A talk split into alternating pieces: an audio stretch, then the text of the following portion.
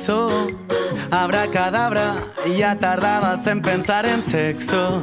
El mejor afrodisíaco son las palabras para follar contigo hasta hacernos viejos. Hola a tots i a totes i benvinguts i benvingudes a Sex Sapiens, el programa universitari de divulgació sobre sexualitat. Dos metros de cama, para mí tu cuerpo ya es perfecto. Voy a acostumbrarme a tus manías.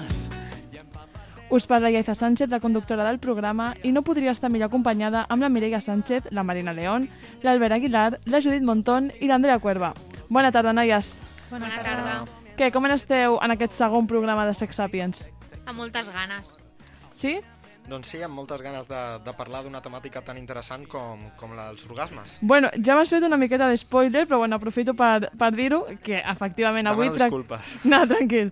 Avui parlarem efectivament dels orgasmes, tant femenins com masculins, i com afecten el nostre cos a la secció de Posa't al dia. No és així, Mireia? Sí, avui parlarem sobre els diferents tipus d'orgasmes, bueno, de, descobrirem si realment hi ha diferents tipus d'orgasmes i sobre les possibles diferències entre els orgasmes femenins o masculins.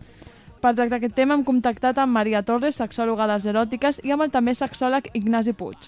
Després, al reportatge de la setmana, la Marina ens parlarà d'aquelles persones que pateixen anorgàsmia. No és així, Marina? Sí, descobrirem que hi ha dos tipus d'anorgàsmia i que bueno, no és tan important arribar als orgasmes. Per això comptarem també amb els testimonis de la sexòloga Sònia Cala i amb la sexòloga de Plàtano Melón, Mònica. En l'entrevista de la setmana parlarem de l'orgasme femení amb Raquel Grenya, psicòloga especialitzada en sexologia i que compta amb més de 630.000 subscriptors al seu canal de YouTube.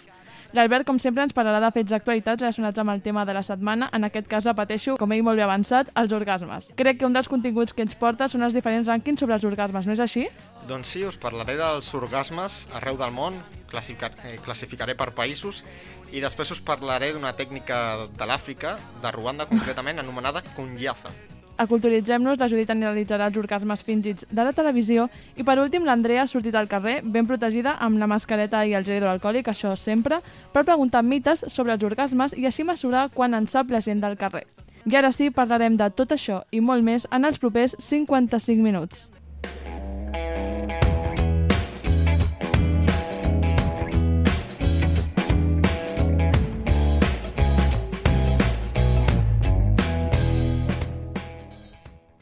Els orgasmes, allò tan desitjat i a la vegada tan complexa quan es practiquen relacions sexuals. Segons les definicions més popularitzades, l'orgasme és la culminació de la interacció sexual, un clímax que produeix una sensació de plaer i alliberació. Un món molt atractiu, sens dubte, però a la vegada molt enrevessat. No és cap secret que al llarg de la història s'ha parat més atenció a l'orgasme masculí gràcies a, o més ben dit, per culpa de, la societat patriarcal i heteronormativa en què encara vivim. Però això ja és un altre tema diferent. El cas és que des de l'antiguitat grega ja se li donava una gran importància a l'orgasme, que es podia experimentar a través de la masturbació o el sexe hetero o homosexual. Per la cultura romana es reservava l'orgasme a l'home. De fet, no era desitjat que la dona experimentés plaer les seves relacions sexuals. I a més, un home que ajudava la dona a tenir un orgasme amb tècniques com ara el sexe oral era vist com a impotent. Al llarg de la història s'ha imposat una mena de tabú que impedia parlar de sexe i, esclar, dels orgasmes. Per sort, al segle XX va sorgir uns canvis socials i revolucionaris que van donar pas a una revolució sexual, que va fer possible una investigació més a fons sobre els orgasmes. Els primers estudis sobre els orgasmes van sorgir entre 1930 i 1950.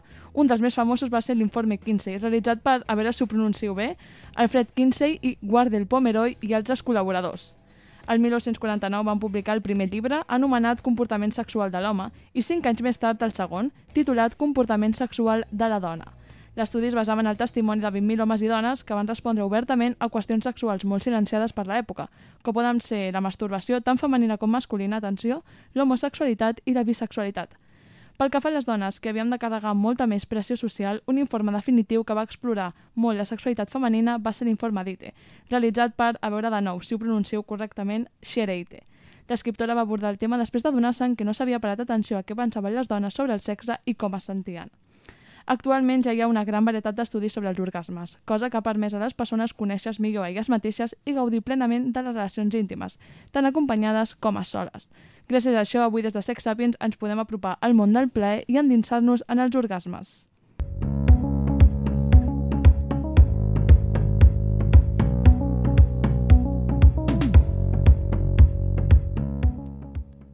Doncs Mireia, molt bona tarda. De què ens vens a parlar avui? Doncs parlarem sobre els tipus d'orgasmes, com ja hem dit, i sobre la diferència entre orgasmes masculins i femenins.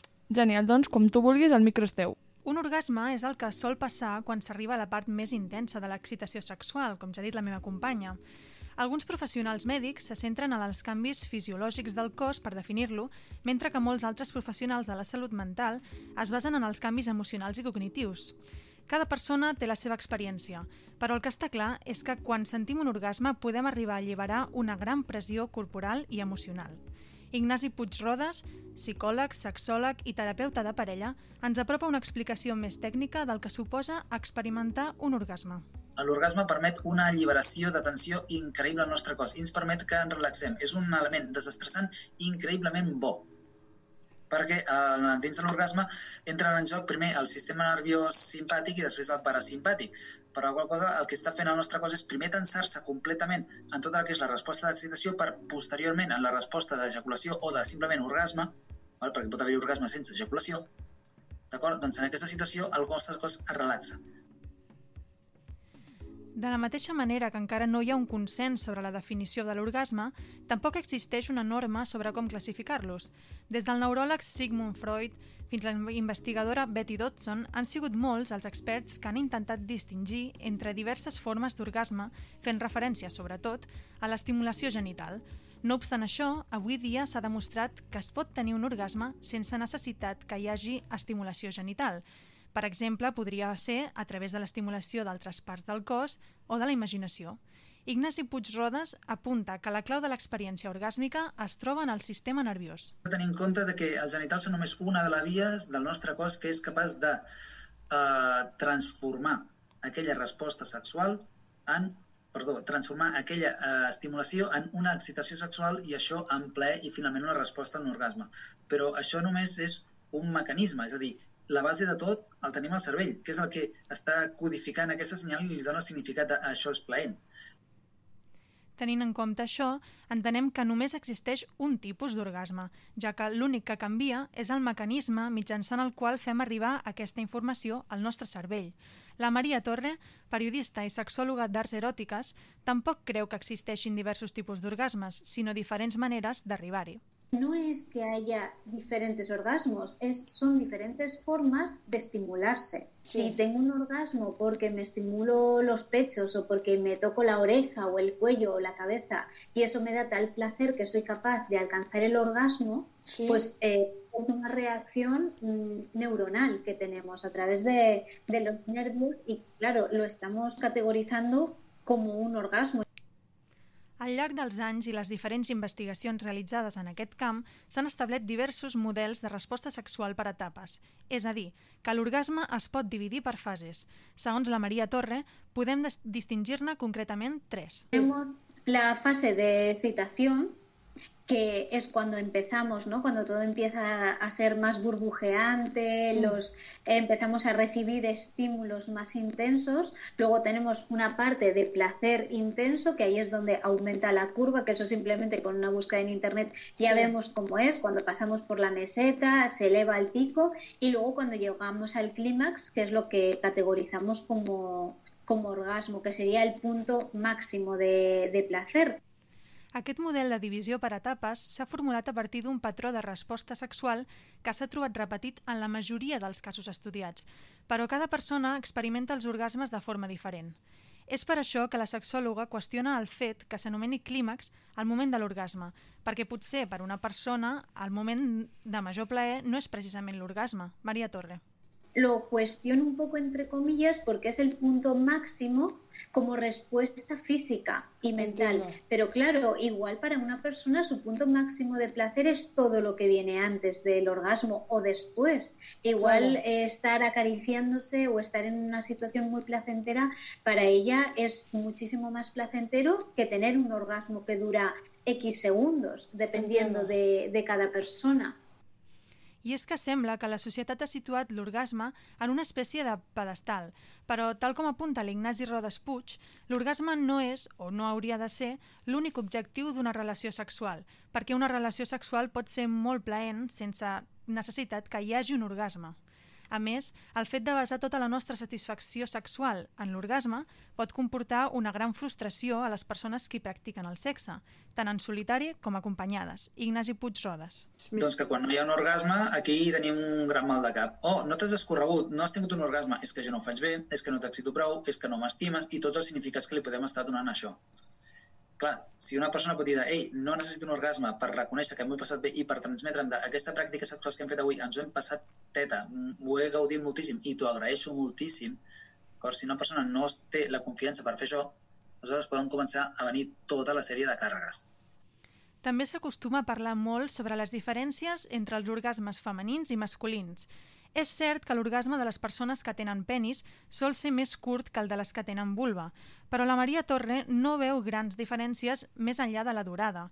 Així, apunta que les diferències associades a l'orgasme masculí i al femení, més enllà de les que són purament biològiques, provenen d'una construcció social que limita les nostres possibilitats de plaer.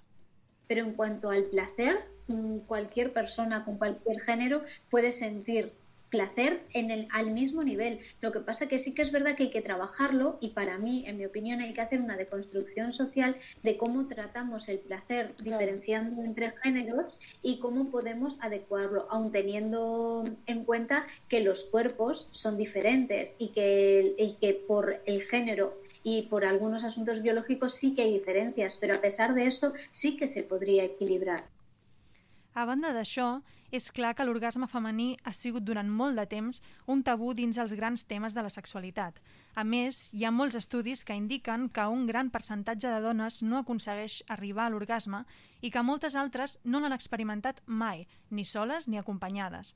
Maria Torre assegura que la insatisfacció es redueix quan es parla de masturbació i a més atribueix aquestes dades al fet que en la majoria d'aquests estudis la mostra utilitzada solen ser dones únicament heterosexuals.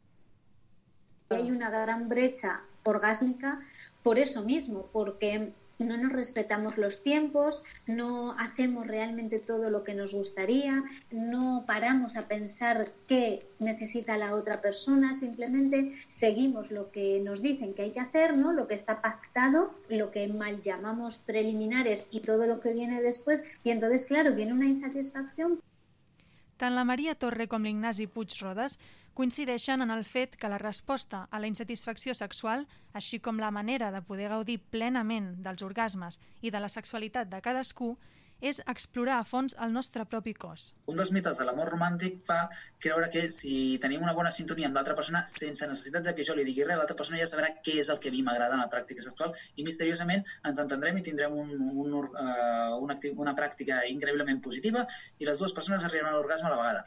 No sempre. Cada persona és un món i cada cos té un mapa erogen diferent. El primordial aquí és experimentar amb nosaltres mateixos per saber què ens agrada i què no, deixant de banda pors i tabús. Conèixer el nostre cos i saber com l'hem d'estimular per obtenir plaer sexual és la base, però també és important sentir-nos lliures i amb prou confiança per parlar sobre el que ens agrada. Així, una vegada coneixem bé el nostre cos, si decidim compartir la nostra sexualitat amb una altra persona, ens serà molt més fàcil arribar al plaer i també a l'orgasme. Moltes gràcies, Mireia, per aquesta secció tan ben feta, com, com sempre, i ens quedem amb tot el que has dit, evidentment, però sobretot amb aquest últim missatge i recomanació per als i les nostres oients. Així que ara sí, passarem al reportatge de la setmana.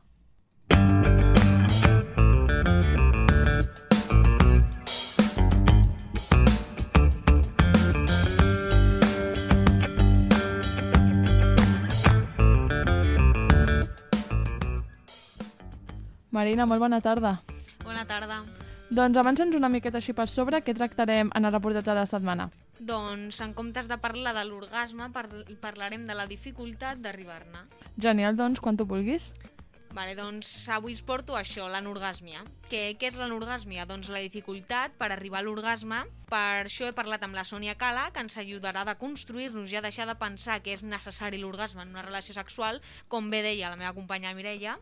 I per l'altra banda, la Mònica ens explicarà com podem fer un ús de les joguines eròtiques en aquest sentit.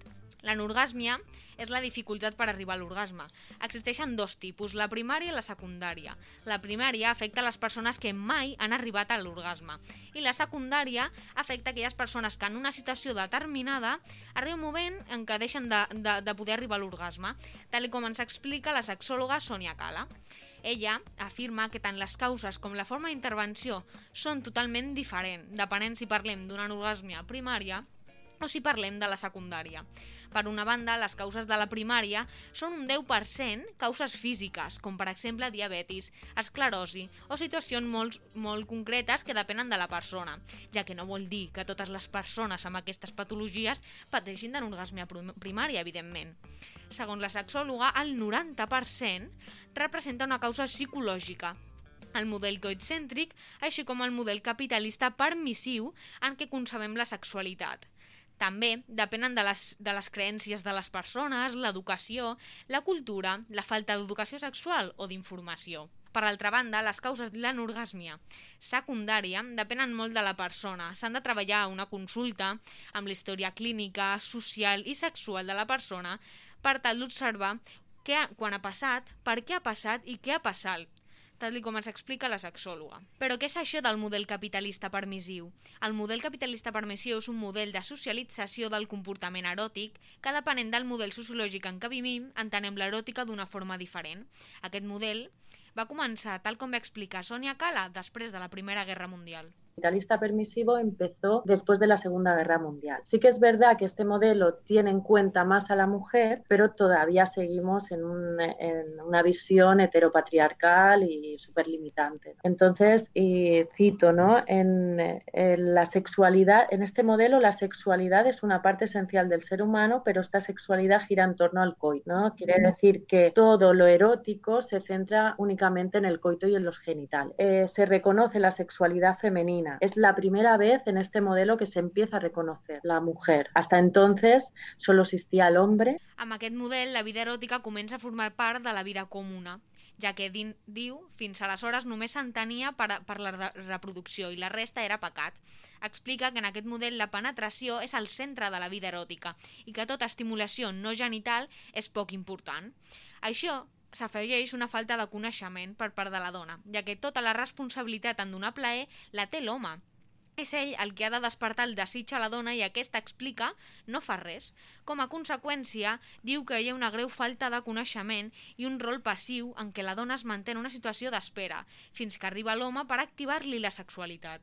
Per aquest motiu, com hem explicava la sexòloga, l'anorgàsmia sol ser femenina i hi ha pocs casos d'anorgàsmia masculina.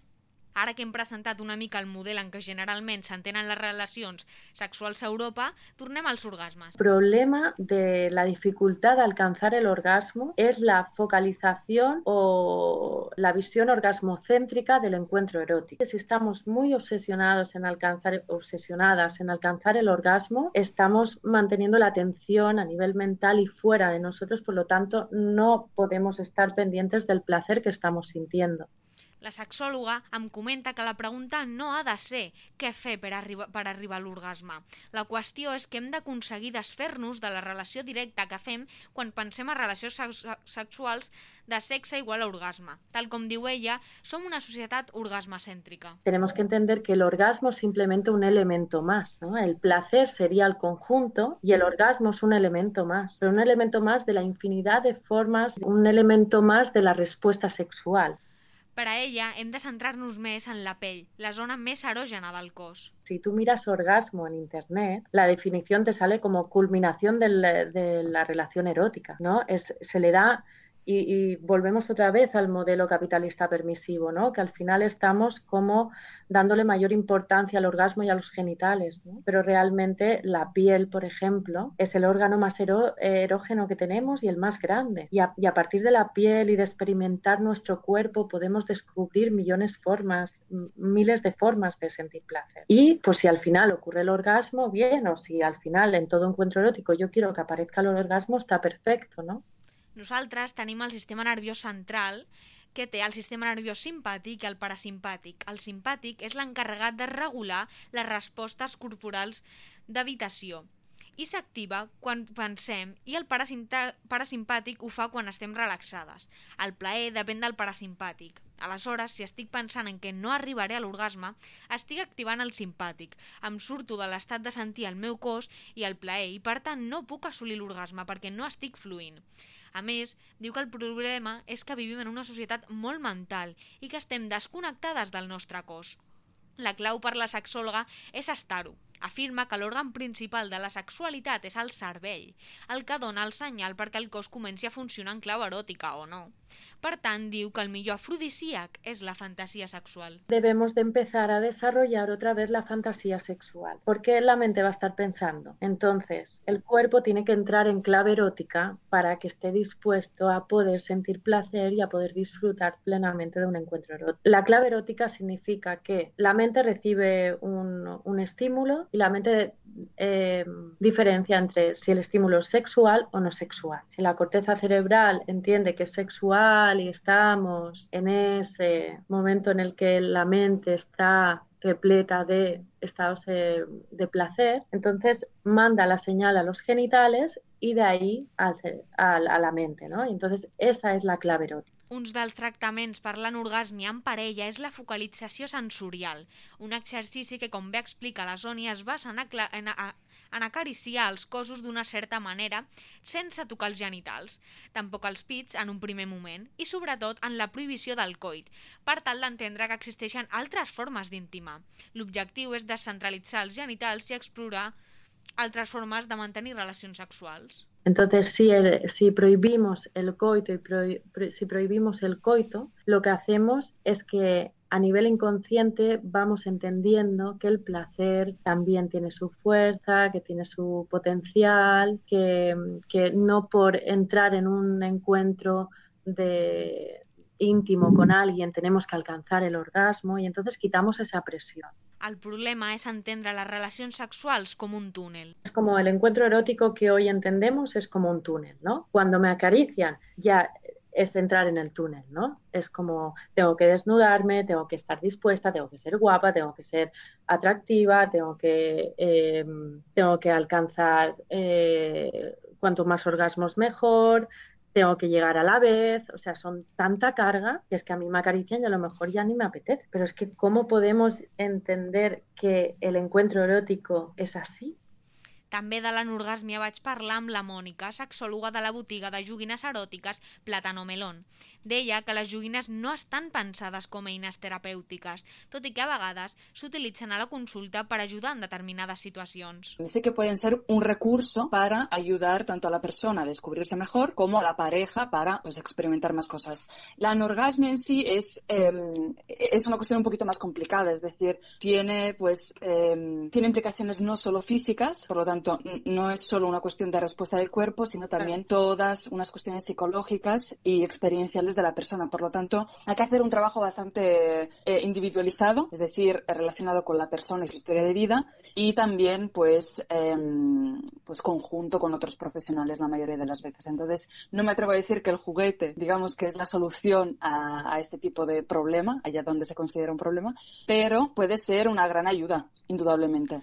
Vaig preguntar-li si era més fàcil arribar a l'orgasme amb les joguines eròtiques, ja que, com bé va explicar-me, utilitzen certs moviments que manualment no podem realitzar, com la vibració, la succió o l'efecte calor. Pues activan unos, unos nervios de la vulva y, de la, y a veces de la vagina eh, que naturalmente no podríamos estimular, digamos. Con lo cual tenemos una respuesta muy potente y, y con nuestras manos es un tipo de respuesta que, bueno, no, no llega a tanta intensidad, digamos. De todas formas, esto depende mucho de la experiencia de la persona. Hay personas que están acostumbradas a masturbarse con sus propias manos y entonces les resulta mucho más fácil tener ese tipo de control y otras que, bueno, con los juguetes tienen más facilidad. Yo me atrevo a decir que estadísticamente es más fácil eh, tener orgasmos con los juguetes. No tengo el dato, entonces no, no, te puedo decir a ciencia cierta, pero, pero diría que sí, básicamente porque son herramientas que están pensadas y creadas para ello.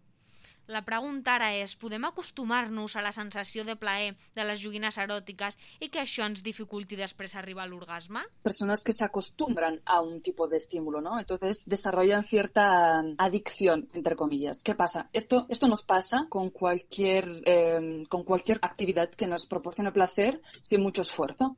La solució que proposen des de Plátano Melón és tenir un ampli ventall d'estímuls que ens proporcionin plaer. I no només plaer mitjançant l'estimulació genital. Diu, hi ha moltes formes de plaer que venen de la seducció, la comunicació, tal com també ens explicava la Sònia Cala. Per acabar, m'agradaria parlar-vos del moviment feminista Anarxa, que té com un objectiu canviar el nom de les glàndules d'esquene, que són les glàndules encarregades de l'ejaculació femenina. Aquestes glàndules es diuen esquene perquè així s'anomenava el metge que va descobrir-les. Però com va fer-ho? Doncs es dedicava a obrir un canal a dones negres sense anestèsia. És irònic, tal com explicava la Sònia, que les dones hagin de tenir unes glàndules que portin el mateix nom que un metge que torturava dones. Una d'elles va ser Anarcha, que va superar 30 operacions. Per això, aquest moviment proposa que les glàndules d'esquene passin a dir-se glàndules Anarcha. Doncs amb aquest missatge, com en el cas de la Mireia, ens quedem a veure si es pot aconseguir aquest canvi de nom. I ara sí, passem a la secció de Parlem-ne.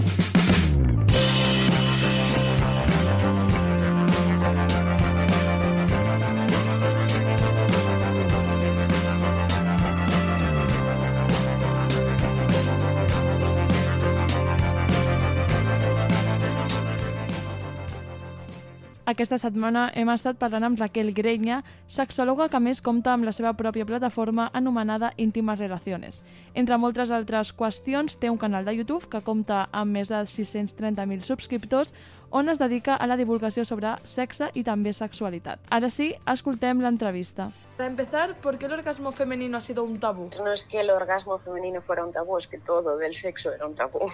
Entiendo. Eh, aparte, date cuenta que a nivel social, el placer femenino no importaba antiguamente, porque antiguamente solamente éramos, voy a decirlo así brutalmente, máquinas de hacer bebés, ¿vale? Mm. Entonces, lo único que se quería era que el hombre eyaculara para que la mujer se quedara embarazada y listo. No se buscaba que la mujer disfrutara en ese proceso, era simplemente el placer, el placer masculino en este caso, ¿vale? Sí. Entonces es como que arrastramos cosas de ahí de que no le daban importancia, no le daban importancia porque la finalidad no era el placer, la finalidad era que el hombre disfrutara porque era una sociedad machista, aunque seguimos en una sociedad machista, no está machista, y eh, el procrear. ¿Cuándo crees que se empezó a romper un poquito esta tendencia? Ya no solo de que dejar de que el sexo sea un tabú, porque bueno, como muy bien has dicho, sí, que lo sigue siendo.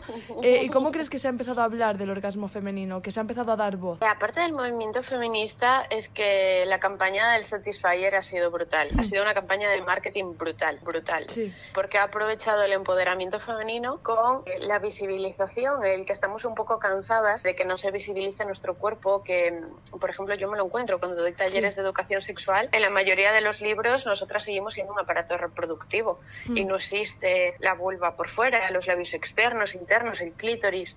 Es como que solamente se habla de reproducción, pero no se habla del resto de cosas. Entonces viene un poco de ahí, de la revolución feminista, del tema de coger el Satisfyer, que bueno, al final el Satisfyer no es tan too much, o sea, es como que lo venden demasiado tal, Sí. pero bueno, hay un poquillo de todo ahí. Eh, algunos datos muestran que las mujeres, am- aproximadamente el 30%, no alcanza el orgasmo al mantener relaciones sexuales y que hay incluso un 12% que no lo ha alcanzado nunca, ni sola ni acompañada. ¿A qué crees que se achaca estos datos? Es, es muy relativo cuando hablamos de relaciones sexuales, porque se queda muy en el aire y para Sí. los sexólogos eh, y las sexólogas realmente los, en las relaciones sexuales ya simplemente besos, caricias, masturbación, sexo oral. Sí. Eh, ¿Qué pasa? Que socialmente está eh, pensado el coito, Hmm. ¿vale? Entonces como estamos pensando en el coito es un poco lo que se nos va a la cabeza. ¿Qué es lo que yo me encuentro en consulta? Yo lo que me encuentro en consulta es que la mayoría de personas tienen bloqueos, bloqueos en el sentido de que les cuesta mucho concentrarse, que se les va la cabeza, también que se sienten culpables, que piensan mucho en el placer del otro en vez de su propio placer. Es un poco todo esto y luego también desconocimiento del Hmm. cuerpo. Entonces es lo que repercute principalmente a la hora de tener eh, mayor facilidad para alcanzar el orgasmo, porque a día de hoy yo no me he encontrado ninguna persona que no logre tener el orgasmo. Sí. Entonces, eh, con base a, a- a tu respuesta, podríamos decir que es muy importante conocer sus puntos erógenos. Ujú.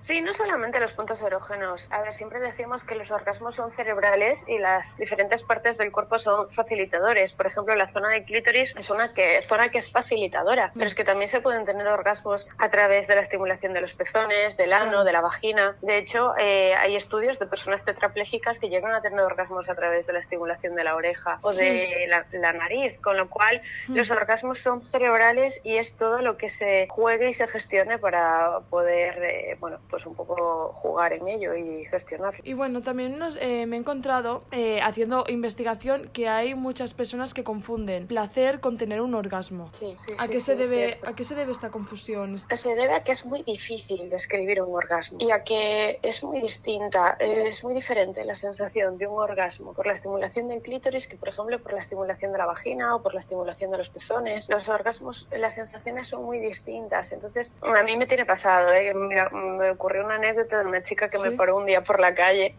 y me dice, oye Raquel, que, que a nivel a nivel vaginal siento placer, pero no siento lo mismo. Y yo, lógicamente, no es la misma zona, ¿sabes? O Claro. sea, es un poco lo, lo que te encuentras, pero bueno, que, que se puede que se puede estimular y que se puede generar. Y bueno, entonces supongo que para todas las personas con vagina, como hemos dicho antes, el asistir... Vulva, por favor, vulva. Vulva. ¿Y cuál es, Claro, la, es que- cuál es la diferencia? Vale, vagina simplemente es el agujero. Vale, y entiendo que vulva Es todo, es todo, labios externos. Ok. Claro, sí. Entiendo, bueno, pues me lo apunto para, para el futuro, claro que sí. Entonces, Gracias.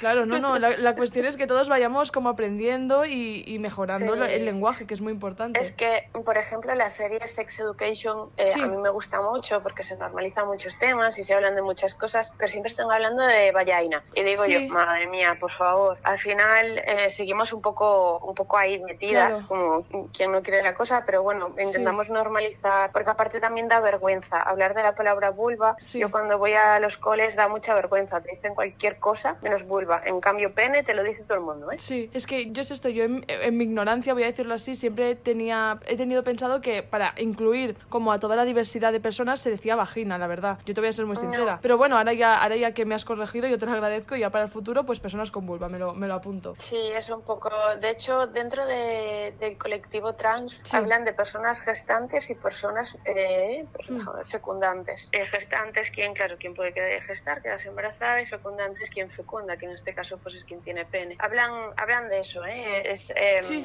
Yo, por ejemplo, en un libro que publiqué, Sexón, Sí. hablo de eso, lo menciono, pero claro, eh, date cuenta que es un cambio de lenguaje, un cambio de sociedad, o sea, deberíamos. Es que es complicado, ¿no? Pero bueno, Claro. ahí estamos. Entiendo. Recuperando un poco, ¿qué importancia crees que tiene para las personas con vulva el asistir a talleres, ver vídeos? Por ejemplo, tú tienes un canal de, de YouTube que al final tocas muchos de estos temas. ¿Cómo les puede beneficiar? Les ayuda a conocerse y a normalizar las cosas, porque realmente Sí. no está normalizado. Yo aún sigo teniendo chicas en consulta, incluso jovencitas de 25 o 30 años, que se sienten culpables por masturbarse por darse placer, por, por ejemplo, imagínate que su pareja les dé placer, pero como ellas no le están dando placer, pues ya dicen, ¿qué, pasa aquí? ¿Qué hay malo? ¿Vale? Cuando realmente no Sí. hay nada malo. Entonces, eh, ese tipo de contenidos de YouTube y demás les ayuda a normalizar cosas co- por las que se siguen castigando y se sienten culpables. Entonces- y de hecho, otra cosita, perdona. Sí, sí, no. Hablamos mucho del tema de, bueno, antes se hablaba mucho del tema de que como que recaía en la otra parte el que tú tuvieras placer Sí. y ahora hablamos más de que es responsabilidad de cada uno sentir placer. Entiendo. También he,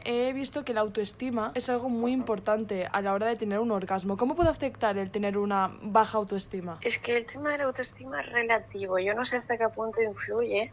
Sinceramente, porque la mayoría de las personas tienen una autoestima bajita. Claro, es que no podemos confundir egos. Eh, por ejemplo, una persona narcisista, una persona narcisista Sí. que tiene un ego muy elevado, es esa que te parece súper segura, que es súper echada para adelante, que es súper tal. Y luego normalmente ese tipo de personas su autoestima es muy bajita. Entiendo. Entonces, claro, para mí no tiene tanta relación tema de autoestima con, lo- con, con orgasmos o con placer, sino que es un poco tema de autoconocimiento, de dedicarte tiempo. También nos castigamos mucho nosotras Sí. por dedicarnos tiempo, eh, disfrutar de alguna manera. Hay gente que le cuesta muchísimo disfrutar porque se siente mal disfrutando, porque la han castigado de alguna forma cuando era pequeña. En plan, tienes que hacer cosas y no sé qué, pero tu placer o tu disfrute no existe. Entonces va un poco en esa línea. Y antes hemos comentado pues el tema del Satisfyer, cómo ha causado pues una pequeña revolución, podríamos decir. ¿Qué, cree- qué papel crees que han tenido los juguetes eróticos, como por ejemplo el Satisfyer, en el placer de las, de las personas con, con vulva?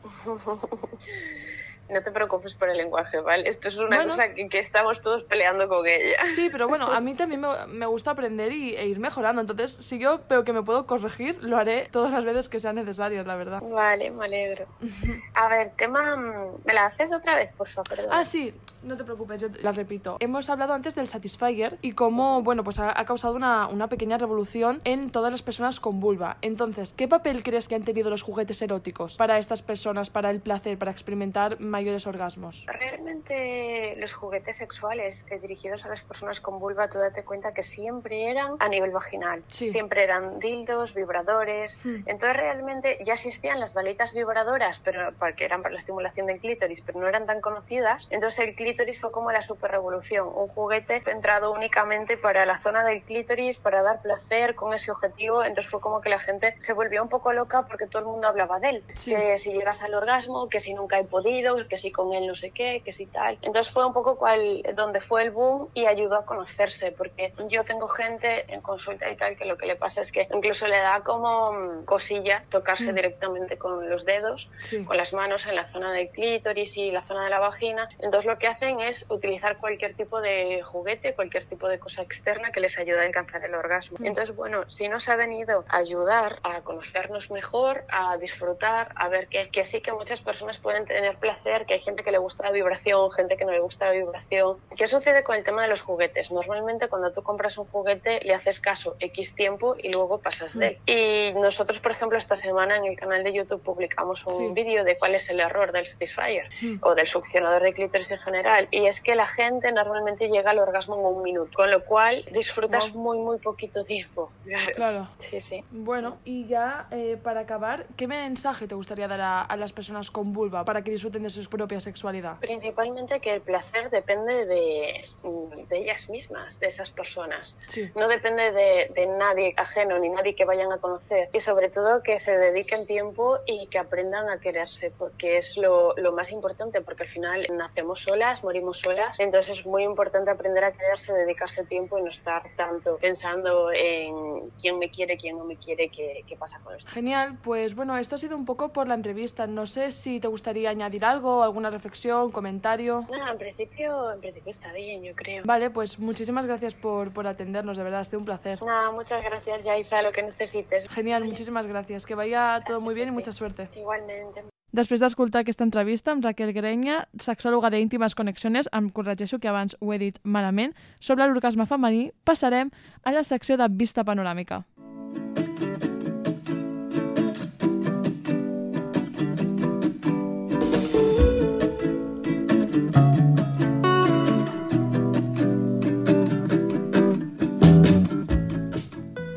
Albert, molt bona tarda. Bona tarda, Iaiza. Què tal, com estàs? Doncs bé, abans la Mireia i la Marina s'han portat dos seccions molt interessants Així i a veure és. què tal aquesta. Doncs sí, de què ens parlaràs tu aquesta setmana? Doncs us parlaré dels orgasmes classificats segons els països, una classificació, i després Mhm. us parlaré d'una tècnica africana anomenada cunyaza per arribar a l'orgasme femení. Vale, doncs com tu vulguis. Doncs bé, alguna vegada t'has preguntat quin és el país que gaudeix més del sexe? La resposta et sorprendria. Depenent de la ubicació geogràfica en la qual viuen, les persones poden arribar a gaudir d'orgasmes més intensos i recurrents. Per descobrir quins són els llocs en els quals la gent té el millor clímax, la marca de jo- joguines eròtiques Lelo va dur a terme una enquesta internacional que va permetre saber amb exactitud els números. A continuació, els 5 països que tenen la major quantitat d'orga- d'orgasmes. El rànquing de plaer. Noruega és el país on resulta més fàcil arribar a l'orgasme. Així ho afirmen un 35% dels encastats. Per contra, al final de la llista figura els alemanys. Un 2,54% de la gent mai ha tingut un. En el mitjà de la taula, els britànics, que només aconsegueixen un 11%. L'orgasme més intens, ja posats a tenir un, que sigui dels bons. I per això hauríeu d'agafar un avió a Xile, a Itàlia i tachant, tachant, a Espanya. Sí, senyores. Entre el 10 i el 13% dels encastats en aquests països van qualificar la potència dels seus clímats en el paràmetre més alt. A més, Espanya és un dels països que millor coneix l'orgasme. Tan sols el 0,27% va afirmar que mai no havia aconseguit un.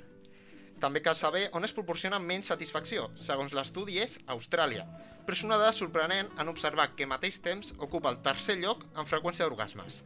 Els més sorollosos, segons l'enquesta de l'ELO, país més virulat, segons l'informe, és el Brasil, amb un 65% dels encastats que es declaren sorollosos, molt per davant de Noruega, amb un 39,9%. Per contra, ells, els que s'ho prenen amb més calma, són els portuguesos. Un 42% d'ells reconeixen tenir orgasmes tranquils, seguits molt de prop pels holandesos. Altres dades d'interès són que als Estats Units la majoria dels, encats, dels encastats, un 28%, van qualificar la intensitat dels seus orgasmes en un 7 sobre 10. El mínim era 1. A França, el 10% dels encastats admet que només són sorollosos si es tracta d'una parella habitual o coneguda. I per últim, la dada que esperaves és que la mitjana mundial d'orgasmes és de 2 a 3 per setmana. No està mal, tampoc. És una, és una bona data. Doncs ara us parlaré d'una tècnica utilitzada al continent africà anomenada kunyaza. A Ruanda, l'orgasme femení és gairebé una qüestió d'honor. Si en les trobades sexuals una dona no té un orgasme, és perquè l'altra persona no ha complert amb les seves obligacions, tal com s'explica en el documentat Sacred Water. Nascuda a l'Àfrica Central, aquesta tècnica mil·lenària es transmet de generació en generació, segons s'explica el sexòleg africà Nesekuye Bizimana, en el seu llibre Kunyaza, i té a la dona com a protagonista absoluta, ja que centra per complet l'atenció en el plaer i més concretament en l'esquirting. Per a elles, aquest líquid és gairebé sagrat, imprescindible les seves trobades sexuals. Són els pares i les mares qui expliquen als seus fills com aconseguir que brolli l'aigua de les seves parelles. La paraula kunyaza neix d'una llegenda, la del rei Kamagere i la seva reina. En una de les sortides del rei, ella se sentia sola i va buscar un company sexual entre la guàrdia real. El guàrdia, nerviós per les possibles represàlies del rei, va ser incapaç de penetrar-la i va començar a fregar el seu penis contra els genitals de la reina. La kunyaza consisteix la conyaza consisteix a estimular les terminacions nervioses de la vulva amb el gland del penis o amb els dits, però pot usar-se també alguna joguina sexual per aconseguir l'objectiu. És com quan fem el famós petting, aquest frec de genitals, però aquesta vegada amb roba fora i només usant el gland. Si finalment no es produeix l'esquirting que tant anenen els ruandesos, no, no us preocupeu. Segons els experts, no totes podem tenir-ho, ja que requereix d'una estructura i d'una anatomia que no totes tenim igual desenvolupades. Però que sí que és segur és que amb aquesta tècnica el nostre plaer està garantit. I per últim us comentaré algunes notícies interessants relacionades sobre el tema, sobre els orgasmes, diguem-ne. Eh, en primer lloc us parlaré d'Amazon, la plataforma de... Bueno, la botiga Sí. online que ha hagut de retirar del seu catàleg unes joguines sexuals amb cos, o sigui, que simulaven el cos de nenes. Sí, una mica desagradable. Sí, molt sí. desagradable. De fet, ha estat el Ministeri de Consum d'aquí d'Espanya el que ha instat el, a l'Amazon que rectifiqués i que, si us plau, retirés de forma immediata aquests productes. Amazon ha fet això i a més ha argumentat que ells procuren i vetllen per les proteccions del mino, dels menors, tant els nens com els adolescents. Sí, però no sé, em sembla un error una mica greu, tot i així. És a dir, està bé que demanem disculpes, però vull dir, ja has pensat en vendre unes, unes joguines d'aquestes característiques. No sé, vosaltres noies, què en penseu? Sí, totalment d'acord. Ja bastant desafortunat només el simple, el simple fet de vendre aquest tipus de producte. Sí. Però bueno, ben fet si ho han rectificat, encara que Sí. sigui tard. Totalment. Ho han ratificat, però jo també penso, jo també puc, donaré la meva Clar, opinió, clar, que és benvinguda. eh, deurien tenir eh, com un filtre, no? jo crec, per mirar què, què es ven i què no es ven dins la- l'aplicació. Dins l'aplicació. I després passem a la segona notícia, vale? una notícia eh, que l'he extret d'un diari de- d'Andalusia, de, de l'Opinió de Màlaga, i és que s'han fabricat eh, ones hidràuliques per l'orgasme femení, per totes aquelles dones que tenen, com abans ha explicat la Marina, anorgàsmia. Vale. Molt bé. És Això- una bona notícia. Sí? Això ho ha fet el Centre Mèdic de Salut Íntima de la Dona de Màlaga i consisteix en aplicar artèries dins del clítoris per totes aquelles dones que fins ara no han sentit cap tipus d'orgasme, ja, ja ho poden sentir, ja ho puguin sentir. pues, com deia, una molt bona notícia. No sé, Judit, tu què en penses d'això? No, és molt bona idea perquè aquestes dones puguin gaudir d'un bon orgasme. Sí, doncs amb aquesta bona notícia tanquem la, la teva secció, Albert, i passarem a la, a la secció de Culturitzem-nos.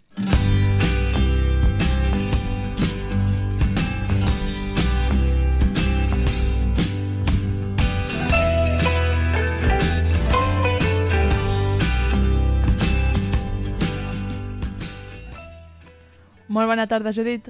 Bona tarda. Què tal, com estàs? Què ens portes en aquesta segona secció? Doncs, bueno, estic molt bé. I en aquesta segona secció us porto els orgasmes fingits. pues, quan tu vulguis, el micro és tot teu. Doncs bueno, com sabeu, els orgasmes fingits són més comuns del que molta gent es pensa. 7 de cada 10 dones espanyoles admeten haver fingit algun cop un orgasme, majoritàriament per no fer sentir malament a la seva parella, segons un estudi que va fer l'empresa de cosmètica Birchbox amb el sex shop Plátano Melón. Com ja sabem, molts consumidors de la pornografia l'agafen com a referent en les seves relacions. L'actriu Maria La Piedra va confirmar en una entrevista que les dones en el porno fingeixen la gran majoria d'orgasmes. Pel que fa als homes, és gairebé impossible que el puguin falsejar, ja que sempre, o sovint, se'ls veu ejacular. A més, a les webs del porno també podem veure vídeos denigrants de violacions i abusos a dones i menors que sovint, desgraciadament, es normalitzen. No hem de prendre la pornografia com un ideal de les relacions sexuals, com ja en vam parlar al programa anterior. Cal fer-ne un consum conscient i responsable. Letícia Dolera, cineasta i feminista, en una entrevista al Nacional, va parlar sobre la sexualitat de les dones i va instar-les a deixar de fer-ho. Ella considera que en lloc d'enfrontar amb naturalitat el plaer, fingim l'orgasme per pal·liar la masculinitat fràgil de molts homes, que poden sentir-se malament o enfadar-se si la dona no arriba a l'orgasme. En el cinema i la televisió, sovint l'escena del sexe s'acaba quan l'home arriba a l'orgasme. Quedi clar que qualsevol semblança amb la realitat és pura coincidència. O potser no. Letícia Dolera reivindica que no hem de tenir por de gaudir de la nostra sexualitat. Avui, en aquest programa, ens centrarem en els orgasmes femenins a la gran pantalla. Comencem parlant de la pel·lícula Cuando Harry conoció a Sally, l'argument de la qual es basa en la creença del Harry sobre que un home i una dona no poden ser amics, perquè el sexe, tard o d'hora, impedeix l'amistat. En l'escena que destaco, la Sally i el Harry estan en un restaurant. Ell afirma que les dones gaudeixen molt amb ell al llit. Ella li replica que moltes dones fingeixen i que segur que no notaria la diferència. Davant la incredulitat del Harry, la Sally comença a fingir un orgasme, deixant al·lucinats a tots els presents, sobretot el seu amic. Escoltem-lo. Oh, Dios. Oh,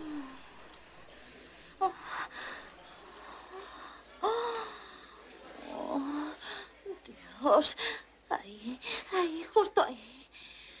Oh, oh, oh, oh, oh, Dios. Oh, sí, sí,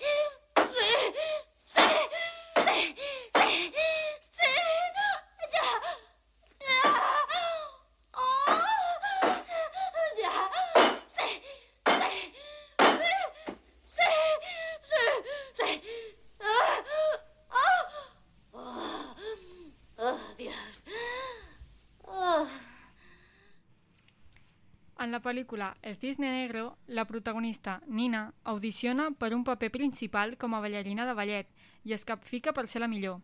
En un moment de la pel·lícula, la Nina i la Lily, una altra ballarina de la companyia, tenen una trobada sexual en la qual la Lily li practica sexe oral a la Nina, que arriba a l'èxtasis.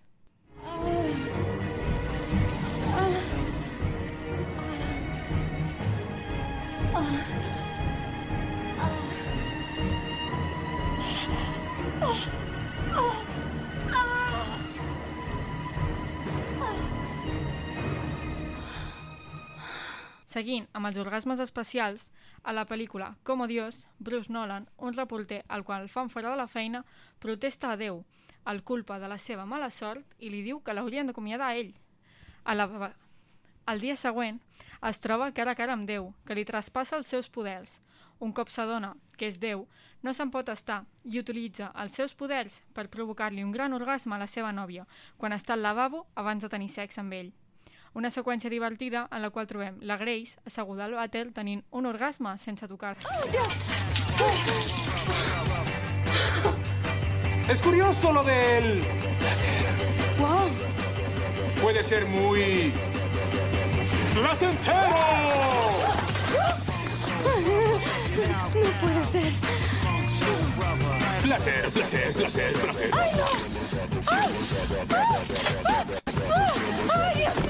A la pel·lícula La cruda realitat, l'avi coneix el Mike, amb qui al principi no es porta gaire bé, però acaben tenint una relació.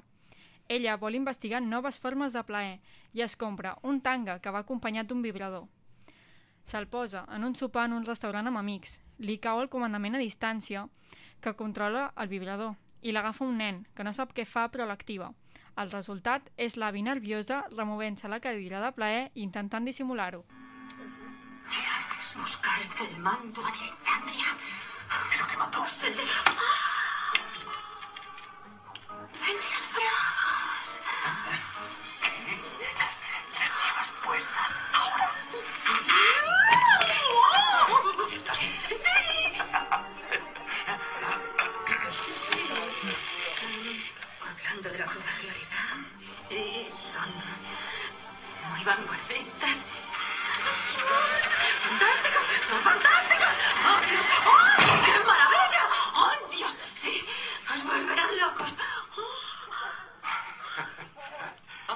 Les relacions sexoafectives poden ser de molts tipus i una de les més mal vistes i estigmatitzades és la d'amics amb drets.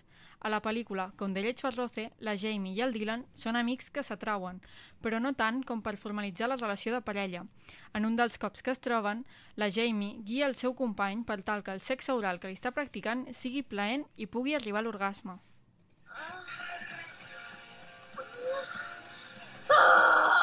¿Qué te pasa? Cuando os ponéis a chillar me confundís. ¡Tú no pares! Vale.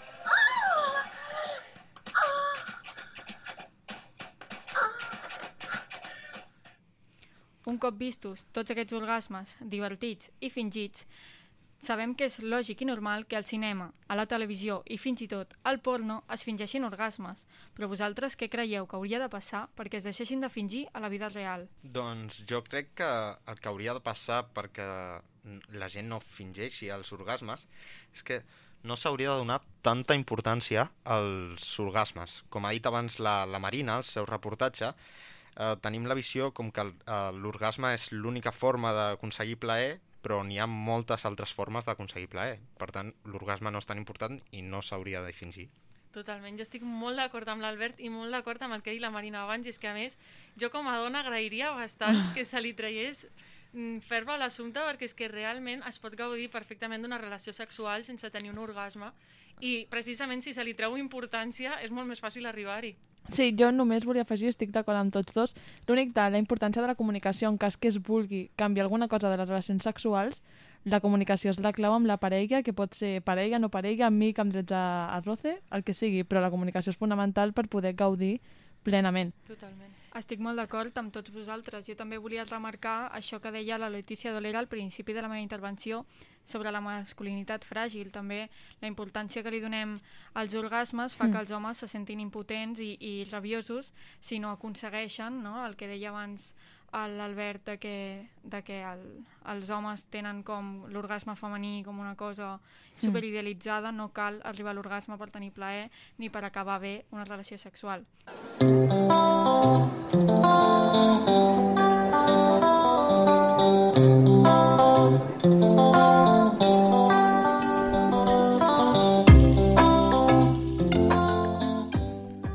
Molt bona tarda, Andrea, què tal, com estàs? Doncs avui estic molt, molt, molt contenta perquè us porto una cosa molt interessant a la meva secció. Sí? Doncs quan tu vulguis. Doncs us porto un joc, per anar animant una miqueta l'ambient, us porto un joc que per cert ha tingut bastant èxit, o sigui que és probable que no sigui l'última vegada que el fem servir. I és que hem sortit al carrer amb cinc mites sobre els orgasmes i em preguntareu on està la trampa.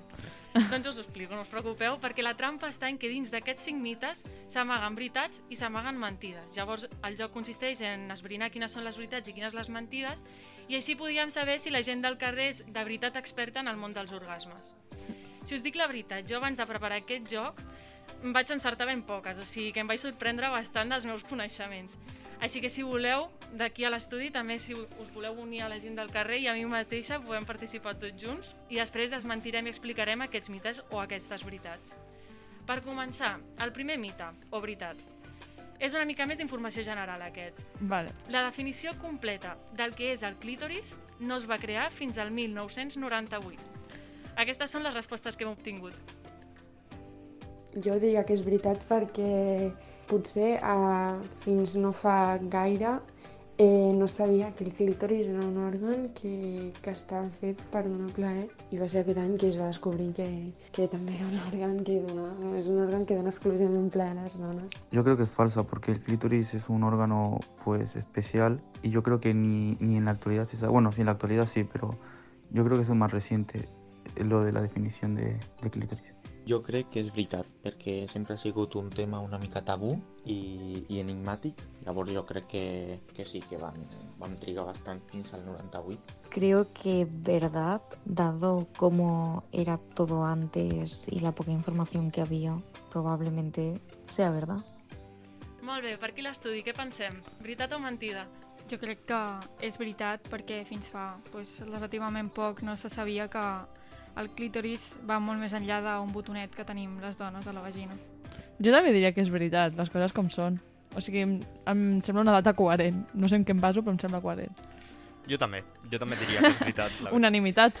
Sí. Doncs sou uns experts perquè ho han encertat tots. és veritat, és veritat. La definició correcta no va sortir fins al 1998. Molt tard. Hem de dir que la paraula clitoris prové del grec de clitoris, per tant sí que és veritat que en l'època, en l'antiga Grècia, doncs ja existia, i va ser en aquesta mateixa època quan es va descobrir totes les possibilitats, o algunes possibilitats que tenia el clítoris. Es va, es va comprovar que en estimular-lo directament es produïen efectes en el cos de la dona. Però a partir d'aquí es va deixar d'investigar. Sembla que d'alguna manera, si hi havia una part del cos de la dona que no, semblava, no servia per la reproducció, ja no s'havia d'investigar. Però, al 1998, l'auròloga australiana Helen O'Connell va descriure per primera vegada l'anatomia completa del clítoris, amb tots els seus elements. Fins al moment semblava que el clítoris consistia en una petita protuberància a la vulva de la dona, però a partir d'aquesta investigació es va descobrir la gran anatomia interna que forma part també del clítoris. Així que és correcte, només fa dues dècades que es va descriure el clítoris en tota la seva plenitud. Per continuar, només existeix un tipus d'orgasme femení. El següent mite o veritat el vam exposar i aquestes són les respostes que vam obtenir.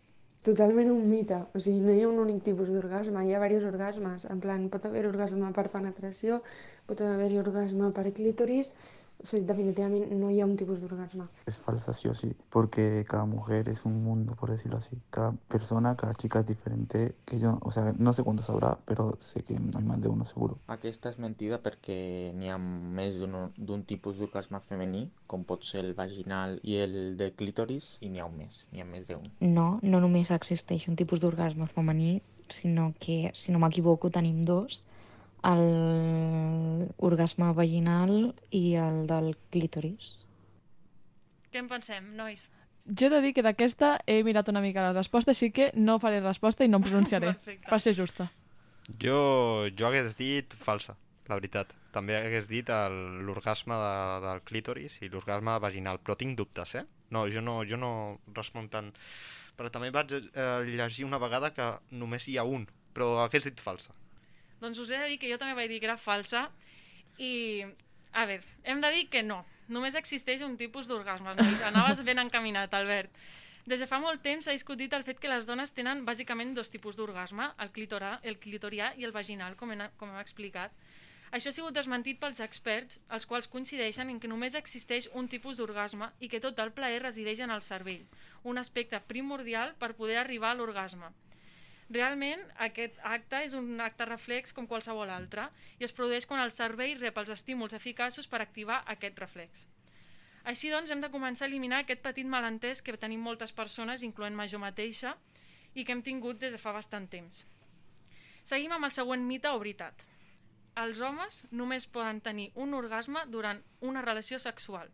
Aquestes són les nostres respostes. Jo diria que només poden tenir un orgasme durant la relació sexual. Yo creo que se puede eyacular más de una vez en una, sex- en una relación sexual, pero la lo normal es que el hombre en plan eyacule y ya, y ya está. Jo crec que sí que és possible tenir més d'un orgasme, però normalment està associat a només un orgasme per una eyaculació. Crec que mite perquè poden tenir més d'un orgasme durant la relació sexual. Què en pensem? Jo hagués dit que només podien eyacular una vegada, seré sincera. No sé si estic, a... si estic acertada o equivocada, però hagués dit això. Jo diria que no. Jo diria que un home també pot eh, ser multiorgàsmic, diria. Jo també considero que un home pot ser multiorgàsmic, potser no és tan comú, però és real. Doncs així és, així és una afirmació totalment falsa i tot això té una explicació fisiològica. Quan els, homes, quan els homes experimenten un orgasme, inicien el que s'anomena període refractari, que és el temps en què ha, des de que l'home arriba al clímax i es relaxa fins que es torna a activar i pot tornar a tenir un altre orgasme. Els homes que aconsegueixen reduir o fins i tot eliminar aquest període refractari són aquells que aconsegueixen tenir més d'un orgasme durant una relació sexual. D'alguna manera, aquest període funciona com a barrera temporal entre un orgasme i el següent, i com més curt sigui aquest temps, més orgasmes masculins es poden aconseguir. O sigui que no, les dones no som les úniques persones multiorgàsmiques que existeixen. I anem a pel penúltim mite o veritat, bastant relacionat amb aquest últim del qual hem parlat. Totes les dones són multiorgàsmiques. Aquestes són les respostes que hem rebut. Jo crec que totes poden ser una altra cosa és que és que ho desenvolupin o no, no? Però que està ja en totes les dones, el poder de poder ser multiorgàsmica. Creo que todas tienen la capacidad de serlo, pero no todas lo son, por decirlo así. Jo crec que aquesta no és veritat perquè cada persona té una sèrie de característiques i no, tot, no totes són iguals, i menys en aquest context. És veritat. O sigui, crec que sí, que totes les dones són multiorgàsmiques, però no totes les dones saben que són multiorgàsmiques. Què n'opineu vosaltres? Jo aquesta crec que sí, que totes les dones ho són. O sigui, no crec que sigui genètic. No sé, em sorprendria. Jo també. Jo crec que vaig en la línia de la gent dels àudios. Jo diria que, que sí. També ens, ens, em sorprendria que no. Que no. Jo també crec que totes les dones som multiorgàsmiques, l'únic que, bueno, hi ha dones que ho han experimentat i hi ha dones que no. Doncs efectivament, és així. Absolutament totes les dones són multiorgàsmiques i això també té una explicació fisiològica. Primer de tot hem de tenir clar que les dones no tenim aquest període refractari del qual hem parlat abans. Per tant, nosaltres no tenim aquesta barrera entre orgasme i orgasme. A més, després d'un orgasme, nosaltres ens relaxem més lentament, la sang tarda més estona en arribar al seu lloc i, per tant, estem més recep receptives durant més estona. Tenim més possibilitats d'experimentar un orgasme, bàsicament. Tot això es va referir a que nosaltres no perdem cap erecció, com si succeeix en el cas dels homes. Però deixant de banda aquesta part més fisiològica, hem de tenir en compte que per tal de tenir un orgasme sempre hem d'estar disposades a tenir-lo, tant mental com físicament, i hem de rebre una bona estimulació. Sense aquests dos factors és impossible que una dona pugui experimentar un o més orgasmes. I per acabar ja, l'últim mite. Els homes sempre ejaculen durant l'orgasme. Escoltem les respostes que ens han arribat. És un mite com una casa, o sigui, eh, no, els homes poden tenir un orgasme, poden sentir que han acabat i no corres. Falso, porque hay hombres que llegan al orgasmo pero son incapaces de eyacular. Jo crec que és possible eh, tenir un orgasme sense arribar a ejacular. Diria que és un mite, és una cosa que està molt relacionada l'una amb l'altra, podria ser que sí perfectament, però dic que és un mite perquè no, no sempre han d'anar conjuntes. Què en pensem per aquí? Mite o veritat? Jo estic d'acord amb, amb els, els nostres testimonis d'aquesta setmana i diria que, que sí, que no fa falta que ejaculin durant una relació sexual. Jo també estic d'acord, penso el mateix. Jo també. Doncs efectivament, l'ejaculació masculina no és un requeriment necessari per a que existeixi un orgasme masculí.